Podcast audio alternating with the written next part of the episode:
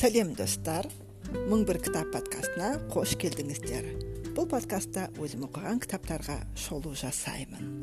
Бүгін хорхе луис борхестің процесс раушаны туралы айтайық. Сөзі аз кейіпкерлері одан да аз бірақ мағынасы терең әңгімелерді көп кездестіресіз бе? Оны оқып талқылап әр сөзінің астарын іздейсіз бе? Мен кейде кітап сөресінде тұрған оқылған кейде оқылмаған кітаптарды ақтарып тұрып кез келген бетіне тоқтап бір абзацын оқимын. Содан қызығушылық туындаса әрі қарай оқып кетемін. Кейде сол бір екі абзацтан кейін кітапты жауып орнына қоямын. Бұл шағын тәжірибені жаңа идея табу үшін немесе ұзақ уақыт істеп жатқан бірақ жалықтырған істен аз болса да оқшаулану ойды басқа нәрсеге бұру үшін жасаймын. Сондай бір сәтте қолыма түскен кітаптан хорхе луис борхестің парацельс раушаны деген әңгімесі туралы пікірлерге көзім түсті. Хорхе луис борхесті бәріңіз білетін боларсыздар. Шығармаларын оқымасаңыз да атын естігендеріңізге сенімдімін. Бұл шағын әңгімеде ұстаз іздеген шәкірттің сынаққа шыдамай ұстазсыз қалуы ал ұстазға өзіне сай лайықты шәкірттің кездеспеуін көреміз. Шәкірт ұстаз іздейді. Бірақ алдында тұрған кісіні сынап барып өзіне ұстаз еткісі келеді. Ол өзінің шеберлігін дәлелдесе ғана оның ұстазы бола алады екен.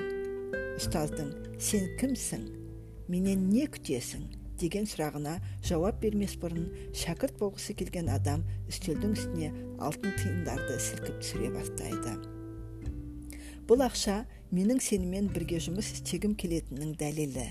Сенімен бірге барлық нәрсені алтынға айналдыратын тасқа жететін жолды жүріп өткім келеді дейді кейіпкер.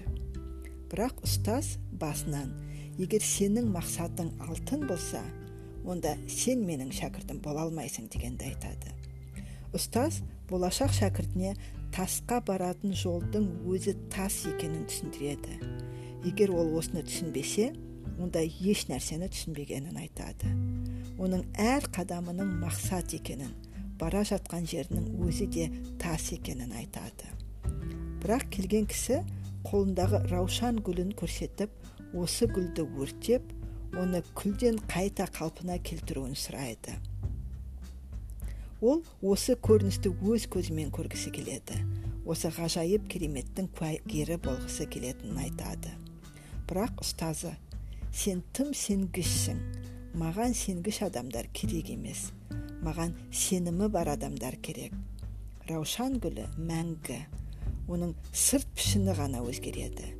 Сен оны қайта көруің үшін бір ғана сөз жеткілікті дейді. Бірақ жас жігіт өз дегенінен қайтпайды. Раушан гүлін отқа лақтырып жібереді. Ұстаз еш нәрсе істемейді. Жігіт өз қателігін түсініп кетіп қалады. Әрине ол менің рухым күшейген кезде қайтып келемін дейді бірақ екеуі де қайтып келмейтінін нақты біледі. Ол кетіп қалған соң ұстаз қолындағы гүлдің күліне қарап бір сөз айтады да раушан гүлі қайтадан пайда болады осымен әңгіме аяқталады. Болашақ шәкірт ұстазын сынағысы келеді. Бірақ ұстаздың да оны сынап жатқанын байқамай қалады. Сондықтан әкелген алтынын алып кетіп қалады қайта оралмайды. Тағы бір айтатын нәрсе шәкірт болғысы келген адам раушан гүлін отқа тастаса ол құриды жоқ болып кетеді деп ойлайды. Ал ұстаз оған раушан отқа оранып от болады кейін күлге айналады. Бірақ қандай жағдай болса да раушан гүлі болып қала беретінін айтады. Осы шағын әңгімесінде борхес адамның өзіне және болашақ ұстазына деген сенімсіздігін ашық көрсетеді. Адам өзінің істеп жатқан ісіне сенуі керек сонда ғана нәтиже болады. Шәкірттердің ең басты қателігі жастарға тән шыдамсыздық.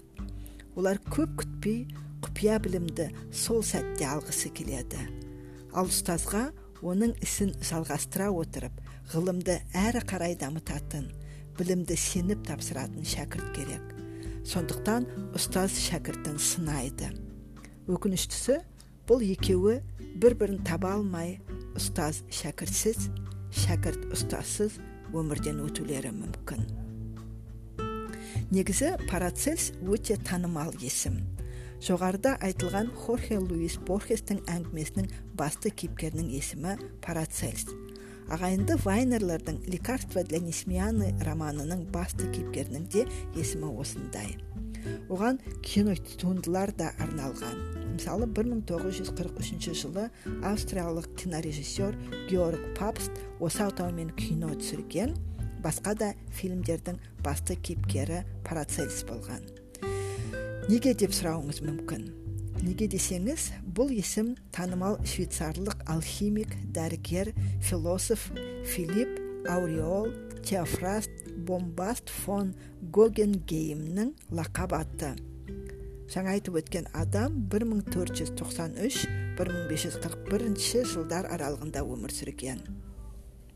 Парацельс латын тілінен аударғанда цельстен басым түскен дегенді білдіреді. Ал цельс ежелгі римдік энциклопедист және біздің эрамызға дейінгі бірінші ғасырда өмір сүрген медицина білгірі. Парацельс медицина ғылымы мен тәжірибесінің реформаторы болған. Оның қалдырған мұрасы ұшан теңіз. Мысалы цинк металлына атау берген адам. Бір зерттеуде осы әңгімені әртүрлі мамандық иелеріне оқуға береді. Оны тарихшыларға физиктер мен дәрігерлерге суретшілер мен музыканттарға тіл мамандарына оқытып пікірлерін сұрайды. Әр мамандық иесі өз біліктілігі және өзі зерттейтін ғылым тұрғысынан парацельс раушаны әңгімесіне пікір айтады. Тарихшылар бұл астарлы әңгімеден адам өз ісіне адал болуы тиіс. Түсініксіз құбылыстарға қызығушылық ғылыми шындықты іздеуге бастау болады деген қорытынды шығарады. Физиктер мен дәрігерлер раушан гүлі шынайы өмір оны оңай өртеп жіберуге яғни жоқ қылуға болады. Өлген нәрсе қайта қалпына келмейді. Бірақ қиялдағы әлемде бәрі мүмкін.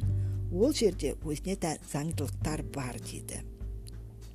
Суретшілер мен музыканттар үшін раушан гүлі сұлулықтың символы жас жігіт мәңгілік сұлулықтың иесі болғысы келеді ол ғажайып оның жүзеге асатынына сенгенде ғана мүмкін болады ол бұйрық немесе талап еткенде жүзеге аспайды дейді сондықтан өзімізге сенейік өз ісімізге адал болайық қала берді ғажайыптың болатынына сенейік сонда ғана арман тілектеріміз шындыққа айналады. Оған қоса ұстаз іздеуден жалықпайық. Жақсы шәкірт болуға тырысайық. Өйткені уақыт өте келе өзіңнің де ұстаз болуға мүмкіндігің бар екені сөзсіз. Сонымен бүгін мың бір кітап подкастының тағы бір хабарын тыңдадыңыздар. Сұрақ қойыңыздар қызық қызықсаңыздар осы әңгімені алып оқыңыздар өздеріңізге әсер еткен басқа да кітаптармен бөлісіңіздер. Келесі кездескенше күнде кітап оқиық кітап оқудан жалықпайық ойымыз өсіп танымымыз кеңейе берсін. Сіздермен бірге болған бақытгүл салыхова келесі кездескенше.